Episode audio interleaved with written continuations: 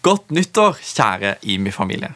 Takk for at du følger med oss på denne husgudstjenesten, som vi har valgt å kalle det. En, eh, en hybrid mellom huskirker og gudstjeneste som kan vises inn i huskirkesamlingene. Eller du kan se det alene og snakke om disse spørsmålene sammen med de folka du har rundt deg. Vi fortsetter disse innspillingene fram til vi kan møtes ansikt til ansikt i bygget vårt. Vi vil òg fra 10. januar starte opp igjen med familiegudstjenester på Zoom, så velkommen til å koble deg på der òg. Jeg har en veldig kjekk nyhet å dele med dere. Martin har jo sagt at eh, folk har ikke sagt nei til Gud, de bare vet ikke hvordan han ser ut. Og det tror vi på.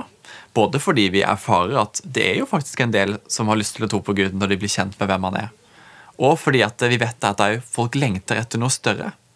Noe større enn seg sjøl, en større virkelighet og en Gud over deres liv. En himmel over deres liv. Vi har sett at alfa er et moderne verktøy som hjelper oss nettopp i dette her. Det er et, eh, et kurs med samlinger over, eh, over, ti uker, hvor du møtes én gang i uka med litt input og gode, gode spørsmål til samtale. Og her eh, vil folk bli møtt med respekt for forskjellige meninger. Og Samtidig så blir det utfordra på, på, en vandring på tro, på å tørre å tro at, at det kan finnes en gud. I England så har de gjort utrolig gode erfaringer med å gjøre dette kurset tilgjengelig på nett.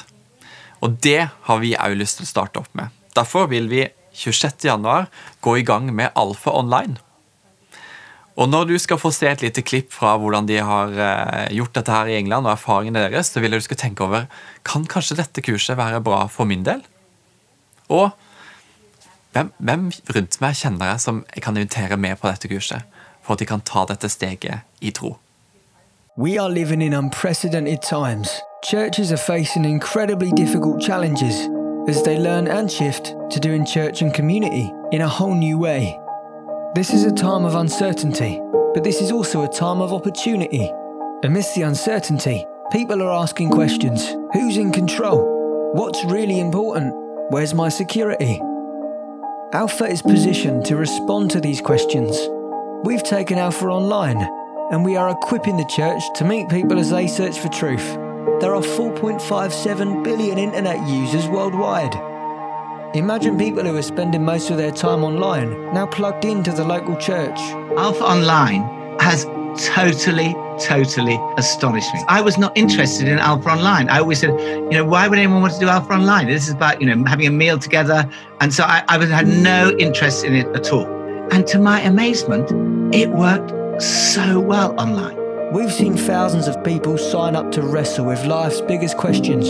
More people are signing up now than we've ever seen in Alpha's entire history. Not only are lives being transformed, but Alpha Online is re energising congregations. Just seen a friend dancing for ages, and we've had our conversation on opposite sides of the pavement, shouting at each other. And he said, oh, You're looking really well. And I said, Yeah, yeah, I'm doing okay with lockdown actually. And at the moment, I'm feeling pretty good. I said, what I've been doing though is I've been reading the Bible, and there's loads of stuff in it. You know, that, there's a lot of hope in there, and I think we're going to be all right. And there was a bit of an awkward silence, like there would have been with me if someone had said that to me a couple of months ago. And he said, I get you, you've become a philosopher. And I said, No, I've become a Christian. I just shouted it. It was from the other side of the pavement. the gospel is spreading beyond church walls we have the potential to see something extraordinary happen, something more extraordinary than we've ever seen before. This is a moment to advance. Find out how to run Alpha online at your church at alpha.org.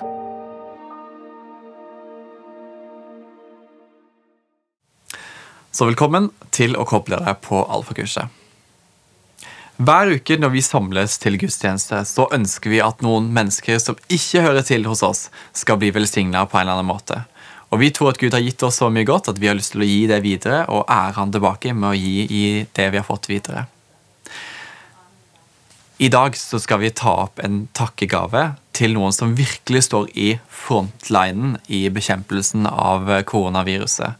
De eh, står virkelig på med, med engasjement og tid, eh, og er jo utsatt for smitte. Nettopp for å tjene samfunnet vårt for at vi skal lykkes med å bekjempe denne pandemien. Vi vet at det ikke er en enkel jobb. Og vi vet samtidig at det er mange i helsevesenet som, som, står virkelig på i forhold til dette her. Men noen av de som vi har lyst til å velsigne denne uka her, det er de som jobber på akuttmottaket. Vi vet at når folk kommer inn der, så er det masse usikkerhet. Det er ikke sikkert eh, det de skal behandles for, har med korona å gjøre, men vi vet at det er mye usikkerhet knyttet til korona som gjør at situasjonen der og arbeidsmengden er pressende. Så det vi har lyst til å gjøre, er å, å samle inn en pengegave for å verdsette de som jobber på akuttmottaket. Vi har lyst til å overrekke denne gaven og si vet du hva, bruk disse pengene på å eh, vise deres verdsettelse på de som jobber der. For å heie på dem og si at vet du hva, vi er så takknemlige for den jobben de gjør. Dette tar vi virkelig ikke for gitt. Så nå dette her blir gøy. altså. Så nå er du invitert til å være med og gi til disse her. Så nå kommer vips nummeret opp på skjermen, og det er 11835. Så da kan du søke det opp på Vips, og så kan du gi den gaven du ønsker til akuttmottaket. Så skal vi eh, i løpet av de neste ukene få overrekt den gaven eh, for å vise at vi heier på dem. Tusen takk for din gave. Så kjekt å stå sammen med du for å velsigne andre mennesker.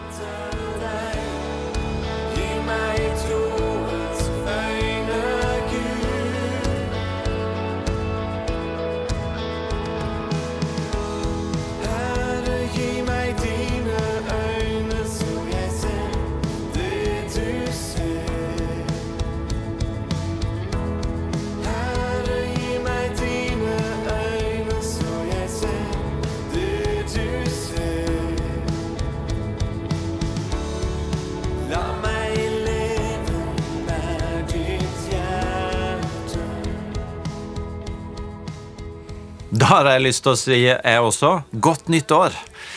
Som Geir sa, eh, så gleder vi oss til vi kan møtes. Og det må jeg si for min del òg. Det skal bli godt å få være sammen med dere ansikt til ansikt igjen. 2020 er over. Kanskje syns du det var deilig å bli ferdig med det året. Vi har brukt en god del ord på å beskrive det som et annerledes år, et bratt år, et langt år. Men nå ligger et nytt år foran oss. Eh, med nye muligheter og kanskje med nye forventninger. Og så må vi være ærlige og si at eh, for det om 2020 blei veldig annerledes enn alle hadde sett for seg, og vi nå har et nytt år foran oss, så er det jo ikke sånn at alt er tilbake til normalen 1.1.2021 heller. Eh, dette er et annerledes år å gå inn i også jeg er i hvert fall vant til å ha ganske mye mer planer ved starten av et nytt år enn det jeg har i år. Som pastor her i Imi-kirka så er jeg på dette tidspunktet vant til at vi vet en god del om hva vi skal forkynne i løpet av de neste månedene. Eh, jeg er vant til å gå inn i januar og glede meg til åpen himmel og impuls. Eh, og der er ofte en god del ting som ligger i kalenderen for halvåret som ligger foran, som vi nå det er mange ting vi ikke fortsatt veit. Og også som bare Egil Elling, så har jeg gjerne mine planer for et halvår sammen med familien min, med vennene mine, hvor det er mye mindre av det, fordi vi ikke veit. Og da er det en tanke som har levd i meg inn mot det nye året, og det er når vi i så liten grad kan planlegge for hva vi skal gjøre i 2021, så tror jeg det blir desto viktigere å spørre oss hvordan vi ruster oss for det 2021 kommer til å bringe. Hvordan forbereder vi oss sjøl, hvordan ruster vi oss for å møte dette året og det det vil innebære, på en god måte? Det tror jeg for så vidt er et uh, spørsmål vi kan bruke ganske bredt om livet vårt. Og stille spørsmål rundt økonomi, relasjoner, helse, andre ting. Er det grep vi ønsker å gjøre for å for å stille oss sjøl i en god posisjon til å møte det som ligger foran. Men akkurat nå så har jeg lyst til å snakke mer spesifikt også som Jesus-etterfølgere. Er det noe vi kan gjøre når vi ikke kan ha så mye fokus på hva vi skal gjøre? Er det noe vi kan gjøre for å tenke dette vil jeg gjøre for å ruste meg for å møte et nytt år, eh, og et år hvor jeg må være forberedt på forskjellige scenarioer? Og da har jeg tenkt litt sånn at på samme måte som vi i høsten som ligger bak oss i IMI, har vært opptatt av å spisse oss inn mot sentrum. Vi har hatt fokus på Jesusmøter, og vi har sagt at akkurat nå er det veldig viktig at vi går helt inn til kjernen av Jesus og hvem han er, og hvordan han møter oss. Eh, sånn at når våre gamle kart ikke helt stemmer med terrenget, så har vi blikket veldig tydelig festa på han som uansett kan vise retning. På samme måte som det har vært høsten vår, så tror jeg at inn mot et nytt år at det å også spisse oss litt inn mot Er det noen sånne kjernepraksiser i troa vår som vi kan bruke til å ruste oss for et nytt år? Og da tror jeg at vi finner noen spennende greier i Apostlenes gjerninger 2, hvor vi møter den aller første kristne menighet. Der står det beskrevet i Apostlenes gjerninger 2 fra vers 42. De holdt seg trofast til apostlenes lære og fellesskapet, til brødsbrytelsen og bønnene. Hver og en ble grepet av ærefrykt, og mange under og tegn ble gjort av apostlene. Alle de troende holdt sammen og hadde alt felles. De solgte eiendommene sine og det de ellers eide, og delte ut til alle ettersom hver enkelt trengte det. Hver dag holdt de trofast sammen på tempelplassen og hjemmene brøt de brødet og spiste sammen med oppriktig og hjertelig glede. De sang og lovpriste Gud og var godt likt av hele folket. Og hver dag la Herren til nye som lot seg frelse. Noen ting i denne teksten. For det første så ser vi at denne første menigheten de, var, de, de hadde noen sånn veldig klassiske kristne praksiser i sentrum av hvordan de levde ut eh, livet sitt som Jesus etterfølgere. Der står det om apostlenes lære. Det, det, er for oss Bibelen. Der står det om fellesskapet, menigheten, huskirka, de en hører sammen med. Eh, brødsbrytelsen, nattverden altså, og bønnene. Hvis du har lang fartstid i kristne sammenhenger, har du gjerne hørt om dette som de fire b-ene. Poenget er noen, noen veldig sånn sentrale praksiser i kristen tro som de holdt sammen om. Og så ser vi at dette livet, disse praksisene, hadde de en dedikasjon til. Det står gjentatt to ganger at, at de trofast holdt seg til. Og der står at de hver dag kom sammen. At de hadde alt felles. Det er en dedikasjon til dette livet som vi møter i disse versene. Og ut av det så ser vi at det springer en, en vitalitet i troa di sin. Der står det at de ble grepet av ærefrykt. Der står det at det skjedde tegn og under.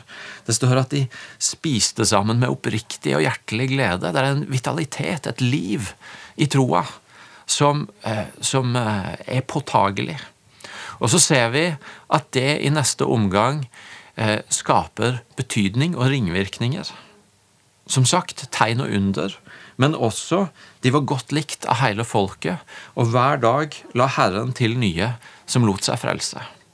Det er en bevegelse fra noen trospraksiser og en dedikasjon til de, til en vitalitet i troa, til en ringvirkning for verden rundt. Og la meg bare si som en eh, tydeliggjøring at jeg tenker ikke sånn om denne teksten at den er en oppskrift som gjør at vi kan ta tilbake kontrollen på 2021 og si at bare vi gjør sånn og sånn, så veit vi hva som kommer til å bli resultatet. I Jesuslivet så er det en del X-faktorer, sånn som nåde, Guds timing, Den hellige ånd, som gjør at eh, vi, ikke, vi, vi kan ikke vinne tilbake kontrollen og bruke disse ordene som en oppskrift, men vi kan bruke de i en tillit til Gud på at uansett hva som møter oss, så ruster vi oss for å møte de situasjonene godt. Når vi, når vi lever i en tillit til at det livet vi møter i Guds ord, eh, det er det vi velger å omfavne i vårt eget liv.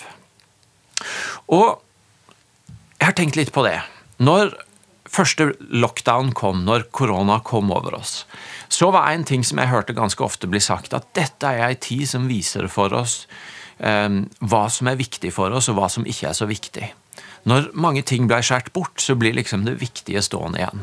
Og det tror jeg var mye sant i, og, og, og jeg tror også at mange av oss gjorde noen læringer på det.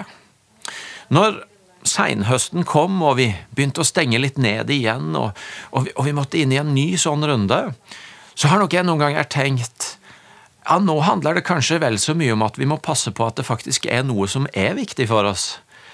For det er akkurat som at det å enda en gang oppleve at ting blir tatt fra oss, at ting ikke blir, at ting må avlyses, kan gjøre at litt sånn likegyldighet, litt apati, ligger nærmest litt nærmere oss. Er noen ting viktig, eller, eller skal vi bare bøye hodet og, og, og, la det skure, og så, og så, håper vi at ting kommer tilbake en eller annen gang? Um, og kanskje kan det være litt farlig for oss med troslivet vårt òg? At vi bare synker litt nedpå. Tenker er det så viktig? Tenker vi får ta det igjen når ting normaliseres? Jeg tror at er det ei tid vår verden trenger Jesus-etterfølgere med en vitalitet i troslivet sitt, så er det jo nå. Akkurat som vi ser i beskrivelsen av de første kristne.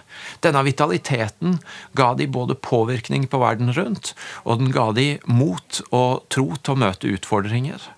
Og Jesus sier om oss at, at vi er lys og salt i verden, og så sier han noen alvorlige ord om hva som er konsekvensen hvis, hvis saltet og lyset mister sin kraft. Jeg tror at denne verden trenger akkurat nå kristne som lever Jesuslivet, og som har en vitalitet i troslivet sitt. Og da tror jeg at dette møtet med de første kristne utfordrer oss på eh, hvor, hvordan vi vil ta kristne praksiser som er egentlig sånn Det kan nesten høres litt kjedelig ut, for det er så, eh, det er så selvsagt, det er så, det er så basic. Men la de få lov til å være en viktig del av hvordan vi møter 2021 sånn at vi ruster oss for å møte det som kommer, med et levende og vitalt trosliv. Og Da har jeg først og fremst lyst til å gi utfordringa tilbake til deg, til hvordan ser det ut i ditt liv? Og så har jeg samtidig lyst til å være frimodig og peke på at akkurat ved inngangen av dette året så har vi invitert alle som vil, til å være med å lese Bibelen på ett år. Og det finner du mer om på Facebook-sidene våre hvis du har lyst til å vite om det. Og skal, og det er et sted hvor, hvor, du kan få lov til å gjøre dette sammen med noen andre, akkurat som eh, den første menigheten vi møtte, gjorde det. Så kanskje kan det være en konkretisering for du, å bli med og lese Bibel og, og være på en reise i Guds ord sammen med noen andre. Sjøl har jeg opplevd mange ganger at det å leve tett på Guds ord er noe av det som gir meg vitalitet i mitt trosliv til å møte den hverdagen jeg står i. Men så har jeg også lyst til å spørre deg, på bakgrunn av det Hvem skal få lov til å smake på effekten av ditt trosliv? Hvem skal få lov til å smake på effekten av at du eh, ruster deg for 2021? For som vi så i, første, i, i, teksten fra den første menigheten, så fikk det ringvirkninger ut. Og som jeg nettopp sa, så tror jeg at dette er en tid hvor verden trenger levende kristne. Og Denne høsten så har vi faktisk hørt en god del historier om at folk i vårt land kommer til tro i denne tida. Eh, Irene i vår menighet har talt opp eh, en god porsjon mennesker som har blitt kristne bare i løpet av denne høsten. Vi har hørt rapporter fra eh, menighetsplantingene våre, og vi ser at ja, dette er faktisk ei tid hvor en del mennesker åpner seg opp for å stille nye spørsmål om livet og om Gud. Og kanskje skulle 2021 når jeg og du ikke kan legge alle våre planer for hva vi skal gjøre, blir en mulighet til å spørre hvem kan vi berøre med ei tro som lever, og som kan smitte over på andre. Så når du nå skal få lov til å snakke enten med huskirka di eller med de du har rundt deg, så har jeg lyst til å stille deg tre spørsmål. Hvordan ruster du deg for 2021? Og punkt to hvem kan du invitere med deg på Alfa Online, som Geir snakka om litt tidligere i denne samlinga, og på den måten få lov til å berøre andre med ditt trosliv. Og for det tredje, hvilken plass skal Bibelen få lov til å ha i ditt liv i 2021? Tusen takk for at du er med på reisen, og Gud velsigne deg i et nytt år. Hjertelig takk skal du ha, Elling, for gode tanker og utfordringer inn i et nytt år. Nå skal dere få ta imot Herrens velsignelse. Herren velsigne deg og bevare deg. Herren la sitt ansikt lyse over deg og være deg nådig. Og Herren løfte sitt ansikt på deg og gi deg sin fred. Amen.